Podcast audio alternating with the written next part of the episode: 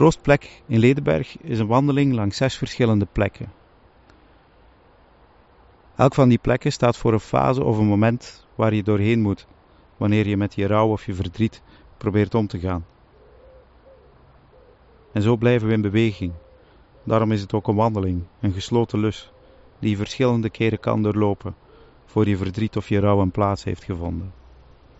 Elk van die plekken biedt je ook een gezicht op de natuur, een perspectief op de toekomst, en is daarom opgehangen aan de vier natuurelementen, die met elkaar aan het spelen zijn wanneer je naar die natuur kijkt, een natuur die niet oordeelt. Dit is het windpad. Hier wandel je, je bent in beweging, en je wandelt over een pad dat slingert tussen de bomen. En de wind, die beweegt tussen de takken van die bomen en de bladeren die ruisen.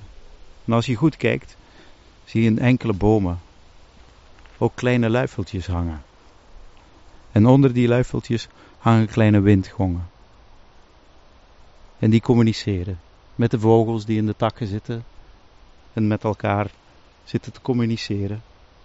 Elkaar wijsjes toeblazen. En alles heeft een lichtheid. Een lichtheid die zich met de wind laat meevoeren. En zo kunnen jouw gedachten zich hier ook met de wind laten meevoeren. Is er misschien iets, een gevoel van vrijheid, die je kan voelen, alsof je zelf tussen die takken beweegt, zoals je hier tussen deze bomen aan het slingeren bent.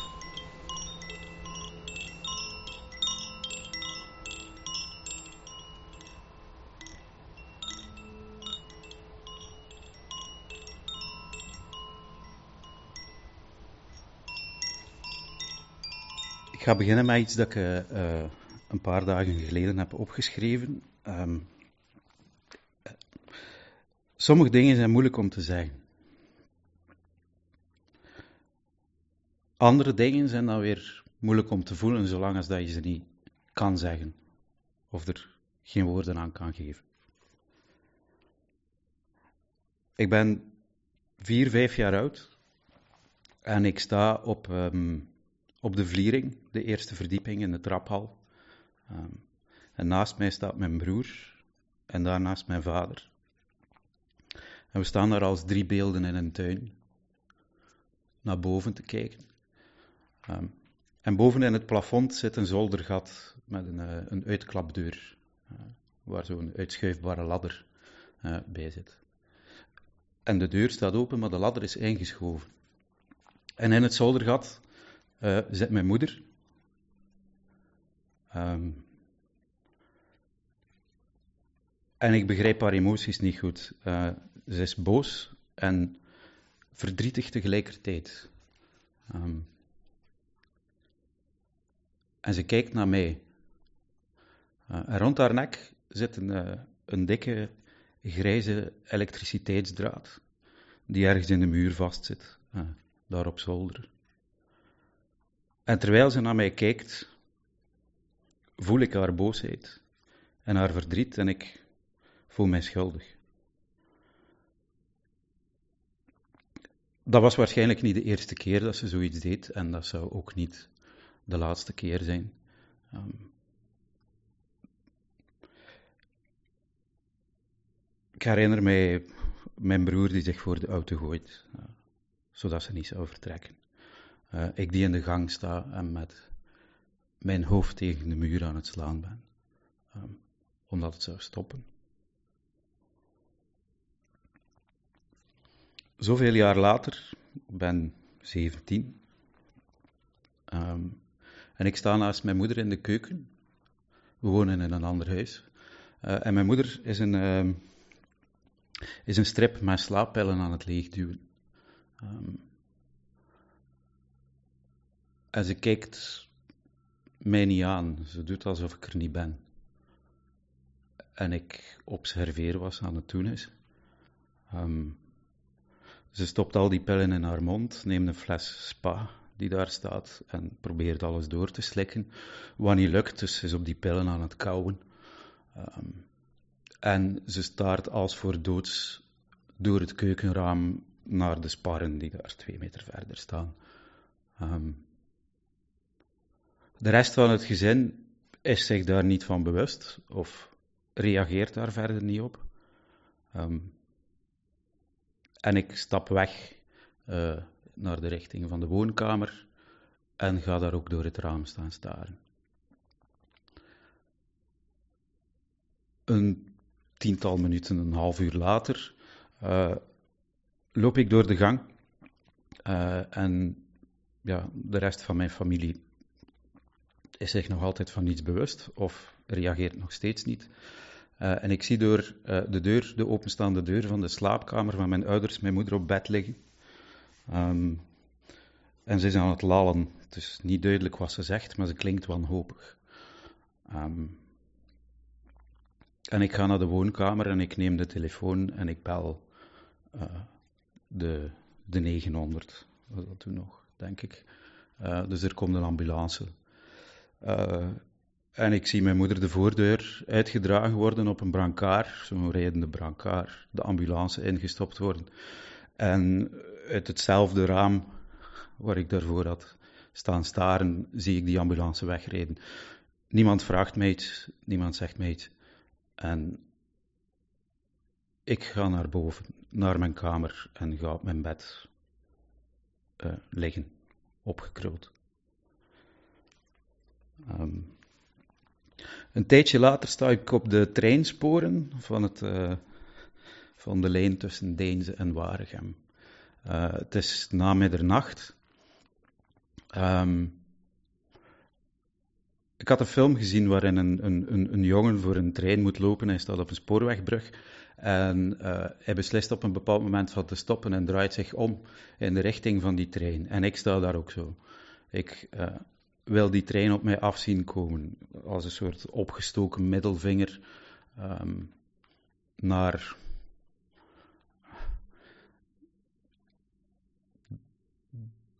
Dat gelaat dat ik geen gezicht kan geven, uh, dat dan in het gezicht van die trein zit, dat oog, de, die lamp, is de dood die op mij afstormt. En uh, ik ga die uitdagen. Uh, ik ben een heel rebelse puber geworden ondertussen. Ik loop heel veel weg van huis. Uh, experimenteer met drugs en alcohol. Um, mijn ouders weten vaak niet waar ik ben. Ik slaap op straat. En die trein komt op mij af. En ik hoor de toeter van de machinist, die waarschijnlijk in paniek is. en ik spring net op tijd weg en ik voel niks. Behalve de trein die passeert. En misschien ook wel de angst van die machinist. Uh. Een paar weken later ben ik met een paar goede vrienden, een paar hele goede vrienden van mij, uh, bij, in, in de zaak uh, van de vader van een van die vrienden. En we houden een soort sleepover feestje. er is veel alcohol, er worden wel wat jointjes gerookt. En het is een hele stormachtige nacht. er hangen zware wolken in de lucht. Het bliksemt, maar het regent niet. En de, door de alcohol enzovoort slaat de sfeer wat om en wordt alles wat grimmiger op het feest. Um, en het begint buiten ook te stormen, hard te regenen. En iets later sta ik alleen op het koerke achteraan, in de gietende regen mijn kleren uit te trekken. En uh, huil ik als een, als een dier mee meegedreven door het weer en de stormachtigheid. Um, en al mijn vrienden komen naar buiten en komen allemaal op mij staan en ze nemen mij allemaal vast, terwijl ik ontroostbaar aan het huilen ben. En ik kalmeer en ik ga naar binnen en ik ga op de zetel liggen en ik val in slaap. Zoveel jaar later ik heb gestudeerd, ben beginnen werken. Uh, ik werk in de kunsten, ik woon in Antwerpen met mijn vriendin samen. Ik kreeg een telefoon. Uh, het is mijn moeder. En um, ze vertelt dat ze borstkanker heeft. Um, wat als ik nu ongeveer ben. Ik heb mijn moeder vaak doodgewenst. Of niet doodgewenst, maar gedacht van... Als ze zo hard de dood wil omarmen. En als ze dat elke keer als een gewicht op ons legt, is het misschien ook wel beter dat ze, dat ze dan gewoon die rust vindt of. Ehm, maar ik hoor nu aan de telefoon dat ze eigenlijk heel bang is. Ehm, en ik wil ook niet dat ze bang is. Ik wil ook niet dat ze, dat ze zou sterven. Dat wil ik niet. Uh, dus wij gaan met de hele familie, uh, zijn we bij haar thuis. Ik neem haar heel hard vast. We huilen samen, zachtjes. En iets later zitten we in de tuin. Het is mooi weer. We zijn aan het barbecuen. En mijn moeder is blij. Ze, ze lacht op een ontspannen manier, zoals ik nog maar zelden heb gezien. Um, en we praten over, over mijn neef, uh, een goede vriend van mij ook, die een paar jaar daarvoor in een verkeersongeluk is omgekomen. En in de tuin fladdert er de hele tijd een Atalanta-vlinder rond, zo'n grote zwarte vlinder met rode vlekken en witte stippels. Um, en het voelt alsof, alsof mijn neef is die daar aan het rondfladderen is. Omdat we over hem aan het praten zijn, of praten we over hem omdat die vlinder er is, dat weet ik niet meer.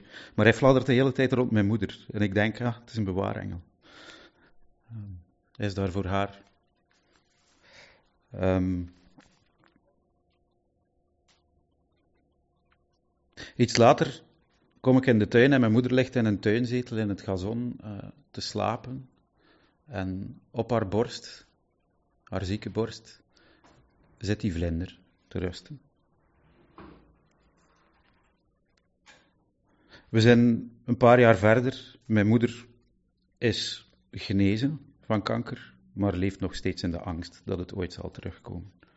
Zoals de meeste kankerpatiënten of ex-kankerpatiënten, denk ik.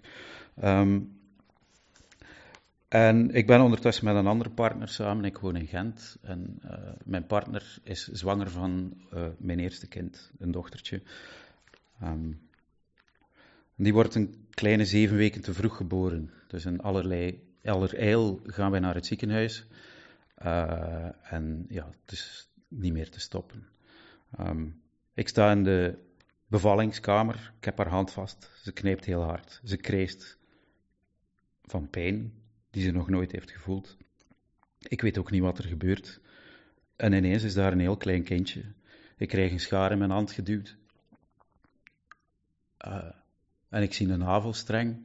En er wordt verwachtingsvol naar mij gekeken. En ik instrumenteel, alsof het een tuinslang is dat ik doorknip, snij ik die navelstreng door. Ik kijk naar mijn partner en ik zie hoe mijn dochter weggevoerd wordt. Iets verder in de kamer staat de pediater en twee vroedvrouwen in paniek. Um, haar te beademen en in haar voeten te, eh, handen te knepen en haar aan te moedigen om te ademen, want ze ademt niet. Um, dat duurt zo vijf minuten. Ik sta daar naar te kijken en uh, de pediater kijkt naar mij en ik zie de paniek in zijn ogen. En dan kijk ik naar mijn dochter en ik begin te huilen en ik voel ineens dat er de dood, dat hij daar altijd bij mij staat. En het is alsof dat hij mijn hand vastneemt. En, en mij zegt dat dit ook, ook oké is. Uh, als dit zou gebeuren. En ik, ik huil opnieuw, heel zachtjes. En ik beslis om weg te gaan. En ik stap naar mijn partner toe en zeg haar dat alles oké is. Um, en vanuit mijn ooghoek zie ik de pediater en de vroedvrouw met mijn dochter naar een andere kamer gaan.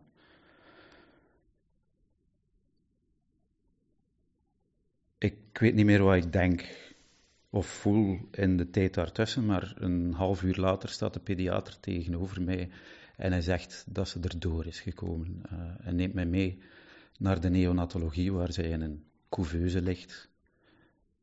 En ik heb nog nooit zoiets kwetsbaars en kleins gezien als dat lichaampje, dat uit het nest gevallen vogeltje. Uh, zo leek ze wel. Het is voor mij heel moeilijk om, om, om ouder te worden. Um, ik word heel erg met mezelf geconfronteerd en de gelijkenissen tussen mezelf en mijn moeder. Um, ik worstel met depressie. Um, en een negen maanden nadat ze geboren is, sta ik op de brug uh, vlak bij ons thuis, met mijn vingers in mijn keel. Ik had het jaar ervoor een dubbele hernia, dus ik, ik had spierontspanners liggen thuis. En ik heb net zoals mijn moeder destijds de hele strip leeggeduwd en alle pillen uh, ingeslikt. Um, en een impuls, denk ik, uh, meegevoerd door emoties die mij te machtig werden. En ook daar, zo hard als ik naar beneden val, probeer ik terug naar boven te kluiteren, want ik wil wel leven, ook voor dat kind. Dus ik, de pillen gaan de rivier in. En, uh, maar het is te laat. Ze hebben al een effect en ik word met een ambulance afgevoerd. En dan begint er een heel proces van terugkerende depressies, uh, psychiaters, psychologen die mij begeleiden. Um, maar dat helpt allemaal niet zo. En ik vertrek naar de bergen. Uh, ik ga wandelen naar Compostela. Uh, en wanneer ik vertrek aan de voet van de Pyreneeën, vertelt de dame van de herberg daar mij, de dag voor ik vertrek. Het is winter, het is mijn verjaardag wanneer ik vertrek. En de sneeuw staat kniehoog in de bergen. En zij zegt mij, ja, je moet op de weg blijven, niet het pad nemen. Uh, want vorig jaar is er nog een Braziliaanse man uh, gestorven die in een sneeuwstorm kwam vast te zitten en achter een boom is gaan schuilen. Nu, ik wandel langs de weg en ik zie alleen maar houtzagerijen en vrachtwagens. En ik denk, ja, daarom ben ik hier niet. Dus ik duik het bos in en ik leef helemaal op. Ik word vervuld van het leven. Ik zie het smeltwater van de rotsen druipen, eh, de aarde die door de sneeuw doorkomt, piepen, eh, mos, parels van water.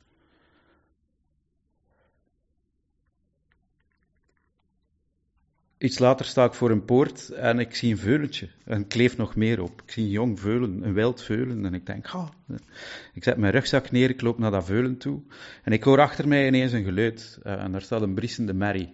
Um, die op mij afstormt. Uh, en in geen tijd ligt mijn rugzak over die omheining heen en vlieg ik daar zelf overheen. Hoe ik het doe, uh, uh, weet ik niet, maar het gaat heel snel. het is allemaal heel spannend, heel avontuurlijk en ik, ik ben echt vol van het leven op dat moment. Dit is het medicijn dat ik nodig heb. Maar ik zit nog steeds in het bos en het wordt steeds donkerder. En de sneeuw staat tot staat tot aan mijn knieën. De berg is bergop en het is zwaar. Ik begin mijn heupen en mijn knieën heel erg te voelen, mijn enkels. En naarmate het donker wordt, vind ik de weg niet meer. Ik zie alleen maar open plekken tussen bomen, waarvan één richting het pad zou kunnen zijn, maar net zo goed de andere. Nergens zie ik ook nog de, de bordjes die de weg moeten aanduiden, want die zijn ondergesneeuwd. En ik denk, ja, ik ga mij ingraven en dan zit ik in een sneeuwhol en ik moet terugdenken aan die Braziliaan die dan is gestorven. En ik voel ergens in mezelf van ja, het is oké. Het is oké. Je, je, kunt hier gewoon ook doodvriezen en dan is dat het. Um. En dan wordt er iets in mezelf wakker. Uh, is dat tegen die duisternis wel ingaan die aan het vallen is? Tegen die sneeuw die mij uh, belemmert en hoe ik naar voren moet. En ik begin mezelf door de sneeuw te ploegen in het pikdonker. Uh, ik weet niet waar ik naartoe ga. En ik huil heel diep. Uh, uh, ik huil de ziel uit mijn lijf terwijl ik aan het ploegen ben.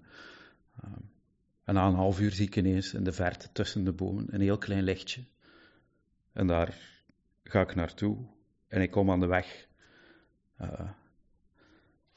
Mijn gezicht is een natte dweil. En ik maak een selfie. En ik stap verder naar de herberg.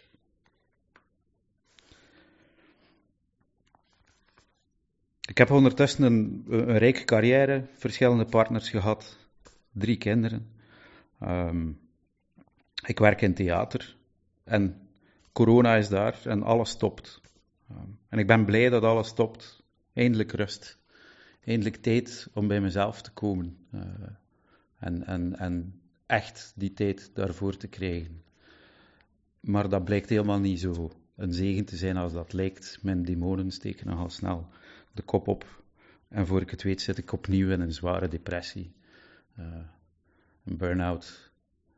En ik denk aan dagopname. Ehm, mijn dochter heeft ook last. Een van mijn dochters um, worstelt ook met die periode. Krijgt een diagnose dat zij ADHD heeft, ondertussen ook ASS. Um, worstelt met anorexie. Soms heb ik het gevoel dat ik en zij. Uh, je hebt zo in die film E.T. is er zo'n plantje. En wanneer E.T. ziek wordt, wordt het plantje ook ziek. En soms heb ik het gevoel dat die connectie er tussen mij en mijn dochter ook is. Als het niet goed gaat met haar, gaat het niet goed met mij. Als het niet goed gaat met mij, lijkt het precies ook niet goed te gaan met haar. Dus ik heb een opdracht voor mezelf. Zelfs al is dat maar een bedenksel. Tijdens corona zijn we nog op vakantie in Frankrijk en um, de hele familie is terug samen. Mijn moeder is heel emotioneel. Ze is ondertussen veel gelukkiger geworden. Um, maar ze wordt wat door een plagerige broer die ik heb, uh, wat het bloed onder de nagels uitgehaald. En ze gaat in een heel grote emotionele crisis. Waarin ze praat over mijn vader die gaat sterven en er wordt van alles bijgehaald. En iedereen probeert haar te troosten, maar ze laat zich niet troosten. Uiteindelijk komt ze uit haar kamer en staat ze alleen in de keuken. Glas water te drinken. Ze zondert zich van ons af. En ik voel als enige die nog niet naar haar toe was gegaan dat het mijn moment is om naar haar toe te gaan. En ik neem haar vast en ze valt in mijn armen als, als, een, als een van mijn dochters, als een kind. Uh, ze begint te huilen. En ze vertelt mij hoe zij als jong meisje uh, door haar eigen broer misbruikt werd. Uh, wanneer die s'nachts uitging, hij was een stuk ouder. En ik kwam terug, kroep hij bij haar en ook enkele van haar zussen in bed. En deed onbetamelijke dingen. En ik voel een soort rust over mij komen, die ik niet thuis kan brengen. Maar het is alsof, wanneer zij het mij vertelt, dat ze zelf iets kan loslaten. En dat voel ik. En daardoor kan ik zelf beginnen met loslaten. En nu sta ik voor de spiegel. Het is een soort droom. Ik sta voor de spiegel en naast mij staat een kind van vier, vijf jaar oud. En dat ben ik. En zijn kleren zijn gescheurd, hij zit vol met schaafwonden, hij is uh, verwilderd. En voor het eerst besef ik dat ik mij op zijn niveau moet brengen en zijn wonden beginnen verzorgen. En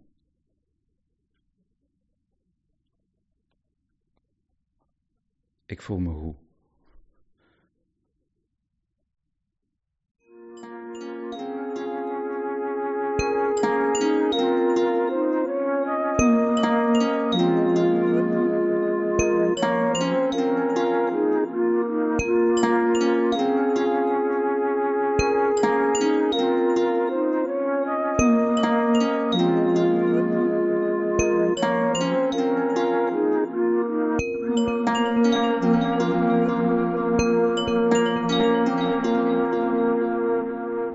Troostplek is een initiatief van lokaal dienstencentrum De Knoop, wijkgezondheidscentrum Botermarkt en woonzorgcentrum De Vijvers.